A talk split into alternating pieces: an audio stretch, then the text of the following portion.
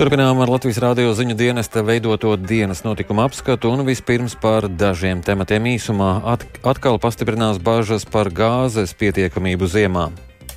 Pastāv tiešām iespēja, ka gadījumā, ja ir ļoti bargi laika apstākļi, tad var izveidoties šāda saspringta situācija. Enerģētiskā krīze arī partiju programmās, bet bez detalizētiem risinājumiem šai ziemai. Nākotnes enerģijas iegūšanas veids, kas izlasāms gan tagadējā koalīcijā ietilpstošo, gan saimā pašlaik nēsošu partiju programmās, ir atomelektrostacijas iespēju izpēta Latvijā un plašāk Baltijā. Pelosī vizīte Taivānā un iespējamais konflikts Āzijā var novērst pasaules uzmanību no kārdarbības Ukrainā. Ņemot vērā Ķīnas un ASV izteikumus, mēs redzam, ka abu lielvalstu attiecību dinamika ir ļoti asa, un tāpēc es uzskatu, ka Ķīnas un ASV konflikta risks ir ļoti augsts. Pusgadu pēc iedzīvotāju iebildēm Dienvidkurzemes novads atrod naudu bērnu dārznieku ēdināšanai, taču lielāko daļu maksās vecāki. Par šiem un citiem tematiem dienas notikuma apskatā.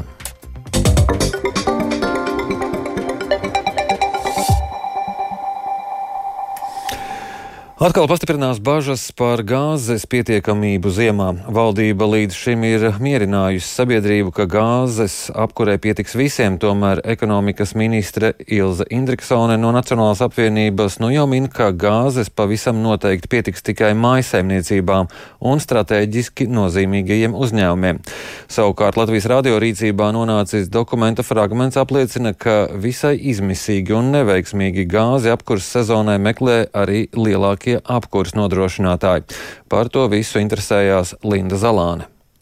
Latvijas radio rīcībā nonācis dokuments, kas liecina, ka aprīlī akcijas sabiedrība Rīgas siltums nosūtījis vēstuli akcijas sabiedrībai Latvenergo, ka uzņēmums nolēmis piekrist Latvenergo sašķirinātās gāzes tirniecības piedāvājumam, pasūtot gāzi Klaipēdas terminālī. Maijā Rīgas siltums sazinoties ar Latvenergo noskaidroja, ka iespējams plānotā sašķirinātās dabas gāzes apjoma piegāde no Klaipēdas termināļa nenotiks.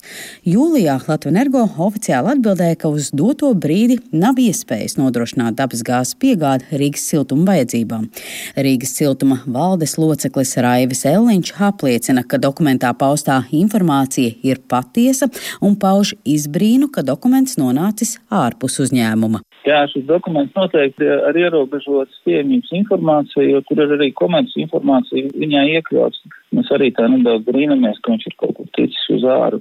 Rīgas siltuma rīcībā nav informācija, kādēļ Latvijas energo nebija iespēja Klaipēdas terminālī iegādāties Rīgas siltuma vajadzībām gāzi 0,25 terawatstundu apjomā. Latvijas energo vienkārši pagaidām līdz šodienai ir informējis, ka šī dabasgāzes piegāde nav iespējama, bet arī paši, protams, iegādājamies dabasgāzi.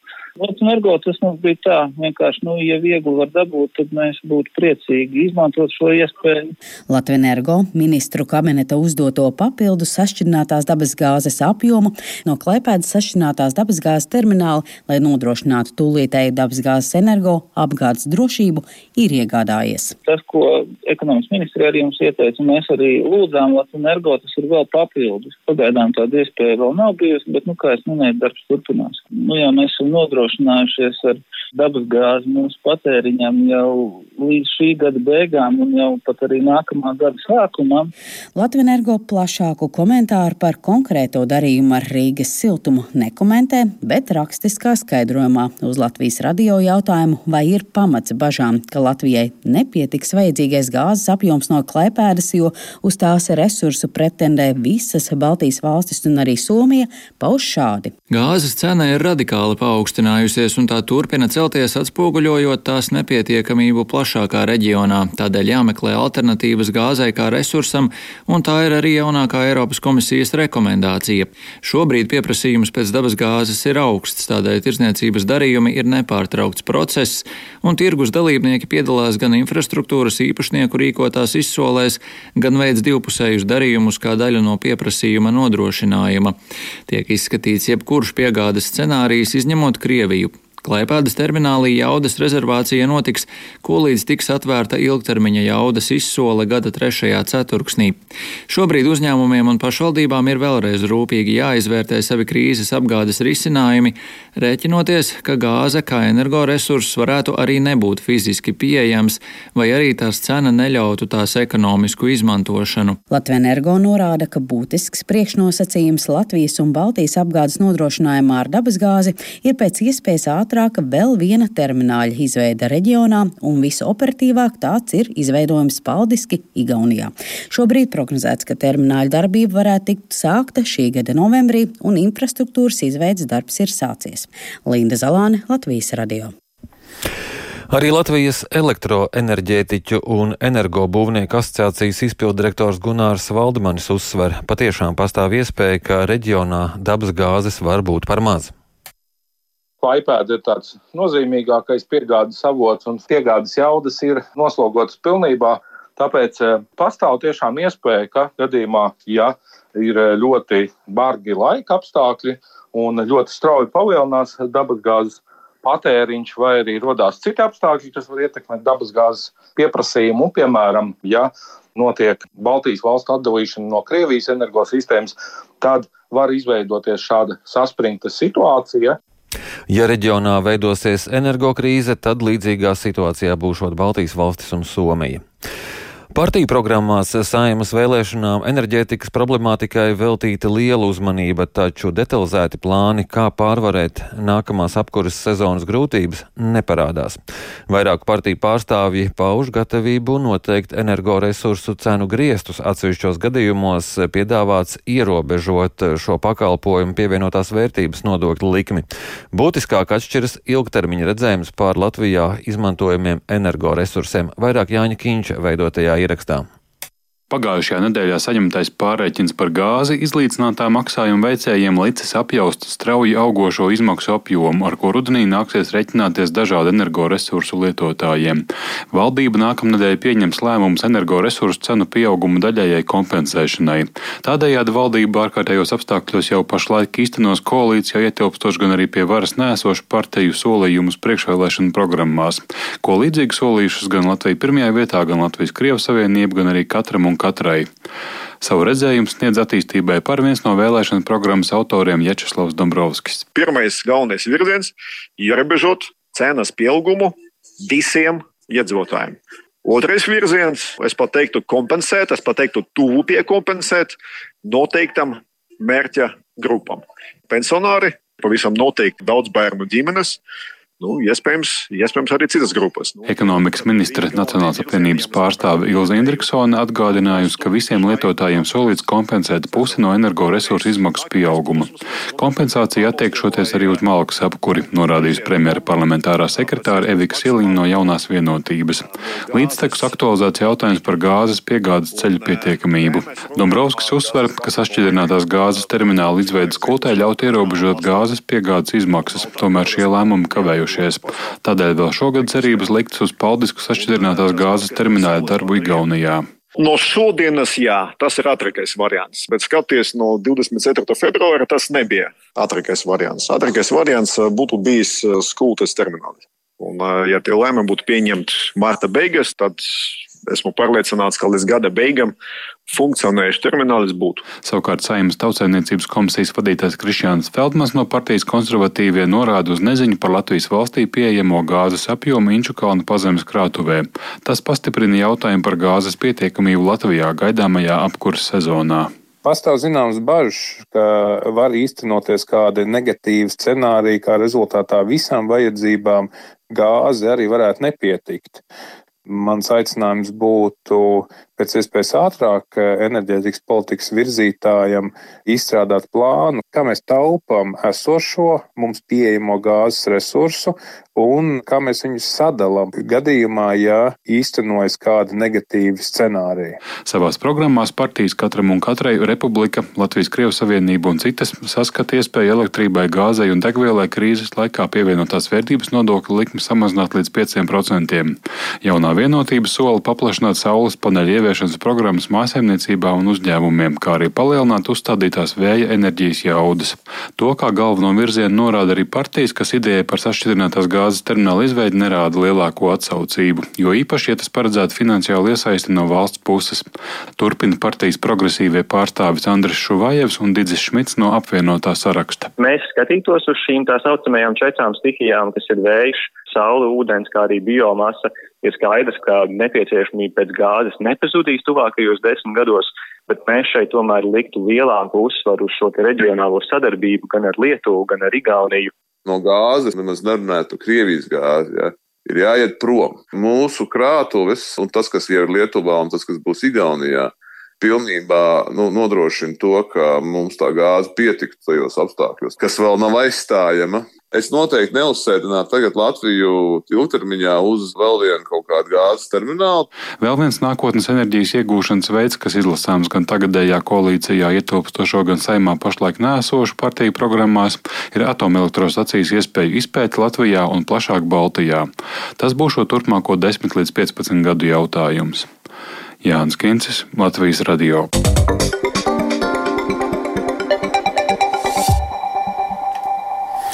Saimnes ārlietu komisija oficiālā paziņojumā atzina Krievijas vardarbību pret Ukrainas un arī citu valstu civiliedzīvotājiem par terorismu un Krieviju par terorismu atbalstošu valsti. Turpina Jānis Kincis.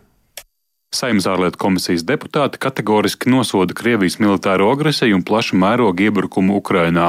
Komisija arī mudina palielināt militāro, finansiālo, humāno un diplomātisko atbalstu Ukrainai. Tāpat paziņojumā būs aicinājums Eiropas Savienības dalību valstīm nekavējoties apturēt turismu vīzu un ierobežot ieceļošanas vīzu izsniegšanu Krievijas un Baltkrievijas pilsoņiem. Komisija lūgs pieņemt to paziņojumu tuvākajā sēdē pieņemt arī kā saimas kopīgu vēstījumu. Jāatgādina, ka pavasarī Latvijas saima jau pieņēma rezolūciju, kurā Krievijas brutālā rīcība Ukrainā atzīta par genocīdu. Amerikas Savienotās valstis samaksās augstu cenu, ja ASV kongresa spīkeras Nesīs Pelosi savas Āzijas vizes laikā apmeklēs Taivānu. Par to brīdinājuši oficiālās Ķīnas pārstāvi, norādot, ka tiks apdraudētas Ķīnas suverenās drošības intereses. Arī Krievija paudusi atbalstu savai sabiedrotajai Ķīnai. ASV amatpersonas rīcību nosaucot par provokāciju. Tikmēr Ukrainas izdevuma Defense Express eksperts Dmitrijs Gurets uzskata, ka Pelosi vizīte Taivānā un iespējamais konflikts Āzijā var novērst pasaules uzmanību no kardarbības Ukrainā. Ми бачимо, що динаміка цих достатньо Ņemot vērā Ķīnas un ASV izteikumus, mēs redzam, ka abu lielvalstu attiecību dinamika ir ļoti asa, un tāpēc es uzskatu, ka Ķīnas un ASV konflikta risks ir ļoti augsts. Ķīna izmanto situāciju ar Taivānu, lai labāk izprastu ASV vājās vietas, un to, vai Savienotās valstis būs spējīgas vienlaicīgi uzturēt vairākus konfliktus dažādās pasaules vietās. Visticamāk, Ķīna turpinās izdarīt uz Vašingtonu spiedienu, lai nodrošinātu nodrošināt sev diplomātiskas un militāras piekāpšanās. Ukraina šāds konflikts noteikti ietekmēs negatīvi, jo ir risks, ka pasaules uzmanība tiks novērsta no kara Ukrainā.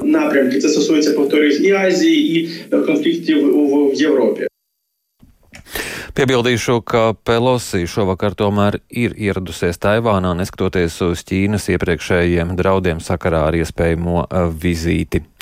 Amerikas Savienotās valstis likvidējušas pasaulē meklētāko noziedznieku grupējuma Al-Qaida līderi Aimanu Al-Zawahiri. Uzbrukums viņam noticis Afganistānas galvaspilsētā Kabulā.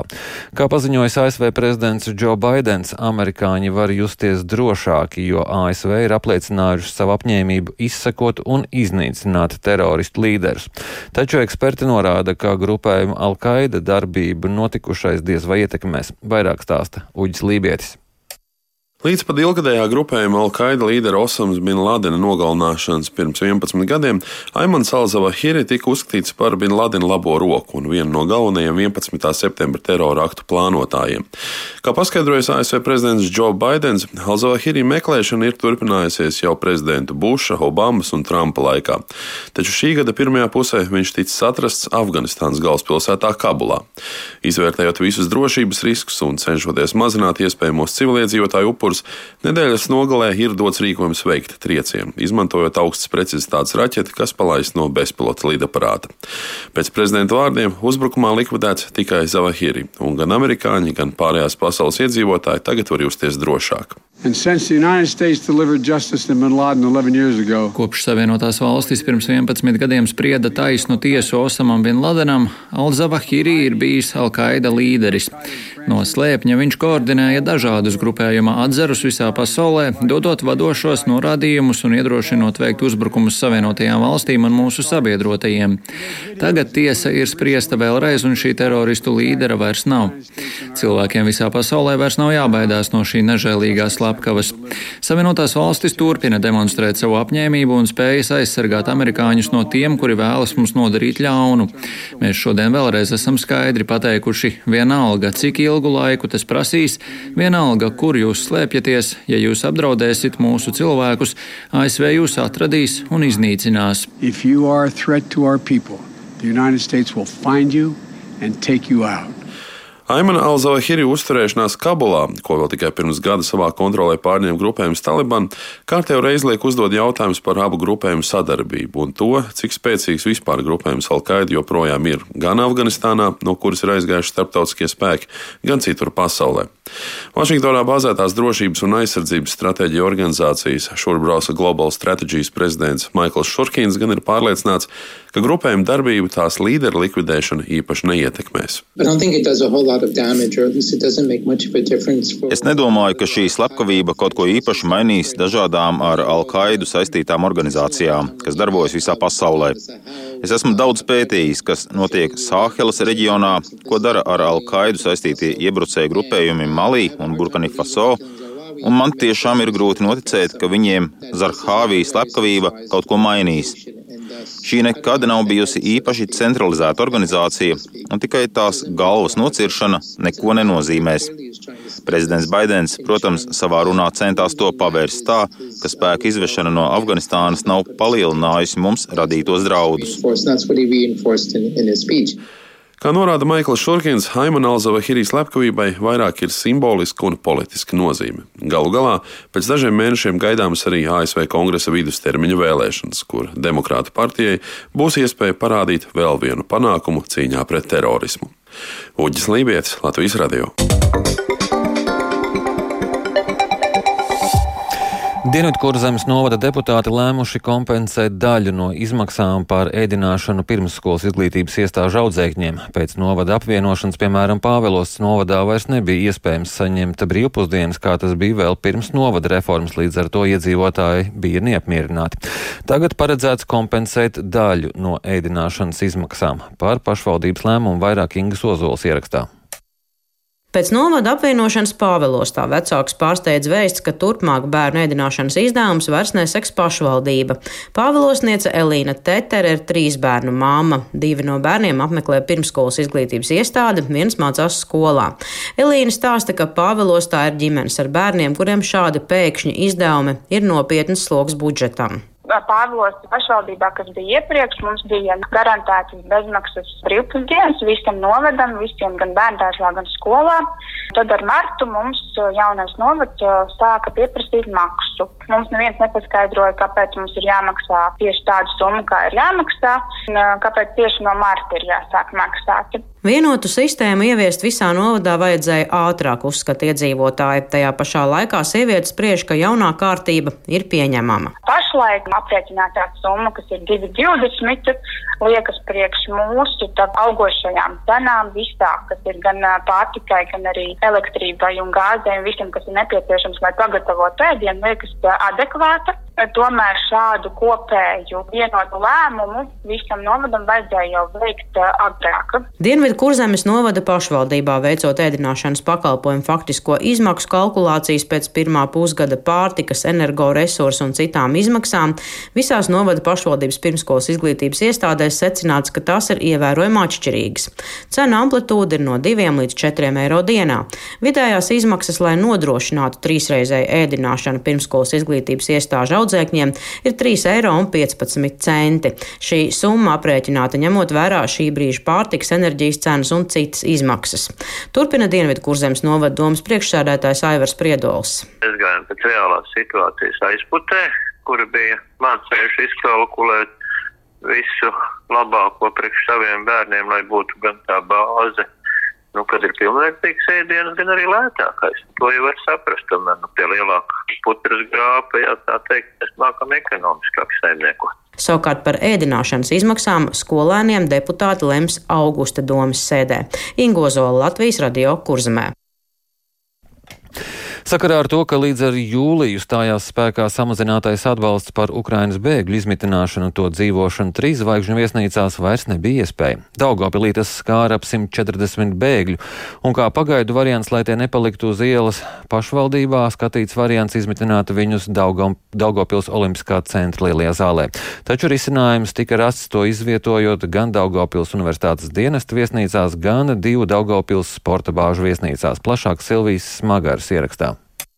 Viskuplākajam skaitam 140 bēgļiem Dāngāplē 1. jūliju, neiekļaujoties jaunajā samazinātajā valsts atbalsta limitā, bija jāatstāj viesnīcas Gutstē Dinaburg numurus. Pirms mēneša Dāngāpos Olimpiskā centra lielā zāle tika skatīta kā vieta, kur varētu izvietot bēgļus no Ukrainas, neslēpj centra vadītājs Vladimirs Steinbergs. Mums izdevās tomēr eh, tādu piemērotāku variantu viņam atrast. Viņi faktiski visi tie 140 palika Daugavpilī, trīs objektos Daugavpils universitātes, divas kopmītnes, Olimpiskā centrā pāraudzībā esošā dienesta viesnīcas tautnieku stadionā. Stadiona celtnieks viesnīca ir ap pussimta gultas vietu, visas aizņemtas, vēsta norāde uz ieejas durvīm. Žēlēju Dinaburgī, es ir Junkam 11 gadu. Ceturtajā stāvā sastopu Tāķenu, kura kopā 11-gadīgo bērnu no šieni pārcēlusies no viesnīcas Dinaburg. Sīviete stāsta, ka Dagāpla ir kopš 29. marta. Esmu ieradusies no pilsētas Krivoja Roka, Daņepropetrovskas apgabalā. Es neesmu pārāk prasīga, mani viss apmierina. Galvenais, lai šeit būtu mierīgi. Sportiska bērnu un jauniešu smieklu pilna šobrīd ir Dāngāpils pilsētas sporta bāzes dzintriņš dienesta viesnīcas tropos. Te notiek sporta nometnes. Taču tas nebūtu netraucēta mitināties vairākām bēgļu ģimenēm no Ukrainas. Vienalga, ka ir trokšņains Šeit tik un tā ir klusāk nekā pie mums Ukrainā. Tā stāsta divas 7 un 15 gadus veca dēla māma Natālija. Ģimene nesen bija atgriezusies atpakaļ Ukrainā, lai būtu karā kritušā onkuļa bērēs un iespējams arī palikta mājās. Taču domas nācies mainīt. Думали, что уже останемся там, в городе у нас, но... Diemžēl mūsu pilsētā vēl nav tik mierīgi. Nekas labs tur nav. Tāpēc arī nolēmām atgriezties uz šejieni. Natālijas ģimene nav vienīgā, kas atbrauc no Ukrainas atpakaļ uz Dāngāpili. Šo tendenci jūt arī pašvaldībā. Dāngāpili kopš kara sākuma Ukrainā reģistrējušies pāri par pusotras tūkstotis bēgļu. Daļa no tiem arī palikuši te. Daļā, kas dzīvo dienesta viesnīcās, jau šomēnes būs jāpārceļas uz citu dzīves vietu. Tas pirmkārt attiecas uz Dāngāpas universitātes viesnīcām. 170 26 gultas vietas septembrī bēgļiem varēs piedāvāt sporta bāze Dzintriņš, kuras to laika būs beigušās visas vasaras nometnes. Paralēli, kā sola pašvaldībā, būs sarūpētas arī citas vietas, jo bēgļu skaits nemazinās, bet ik pa laikam tiek reģistrēti arvien jauni patvēruma meklētāji. Silvijas Magre Latvijas radio studijā Latgalē. Un vēl Paula Stradiņa medicīnas vēstures muzejā redīta jauna izstāde Mieras baro karš posta. Aplūkojot muzeja krājuma esošās vēstures liecības, var salīdzināt reiz piedzīvotās otrā pasaules kara šausmas ar cilvēku šī brīža kara bailēm vai, piemēram, nosodījumu par straujo dzīves sadārdzinājumu. Stāsta izstādes kuratore Kristīne Liniņa. Apceres vērti ir vēl divi citi eksponāti, proti, taupības kalendārs un kāda laika pavāra grāmata. Tie abi arī ir 50 gadi izdevumi, jā, atšķaidīti ar zināmu devu propagandas, bet uh, tomēr šajos kara taupības gados sniedza praktiskus padomus, kā ar šīm minimālajām pārtikas devām sagādāt tomēr to maltīti ģimenes galdam. Kā sašūt, salāpīt, izgatavot pašam, kā atrast dažādas aizstājējas lietām, kuras tirgo vienkārši vairs nevarēja nopirkt, kuras nebija pieejamas. Dienas notikuma apskats izskan raidījuma producents Edgars Kupčs, ieraksts Montēja Krišjānis Tikāns, pieskaņa pults Mārtiņš Paeglis, studijā Lauris Zvejnieks un vēl tikai par svarīgāko īsumā atkal pastiprinās bažas par gāzes pietiekamību ziemā. Enerģētiskā krīze arī partiju programmās, bet bez detalizētiem risinājumiem šai ziemai. Pelosī vizīte Taivānā un iespējamais konflikts Āzijā var novērst pasaules uzmanību no kara darbības Ukrainā. Mūsu ziņām var sekot līdzi arī Latvijas Rādio 1 Facebook lapā un LSM LV. Yeah.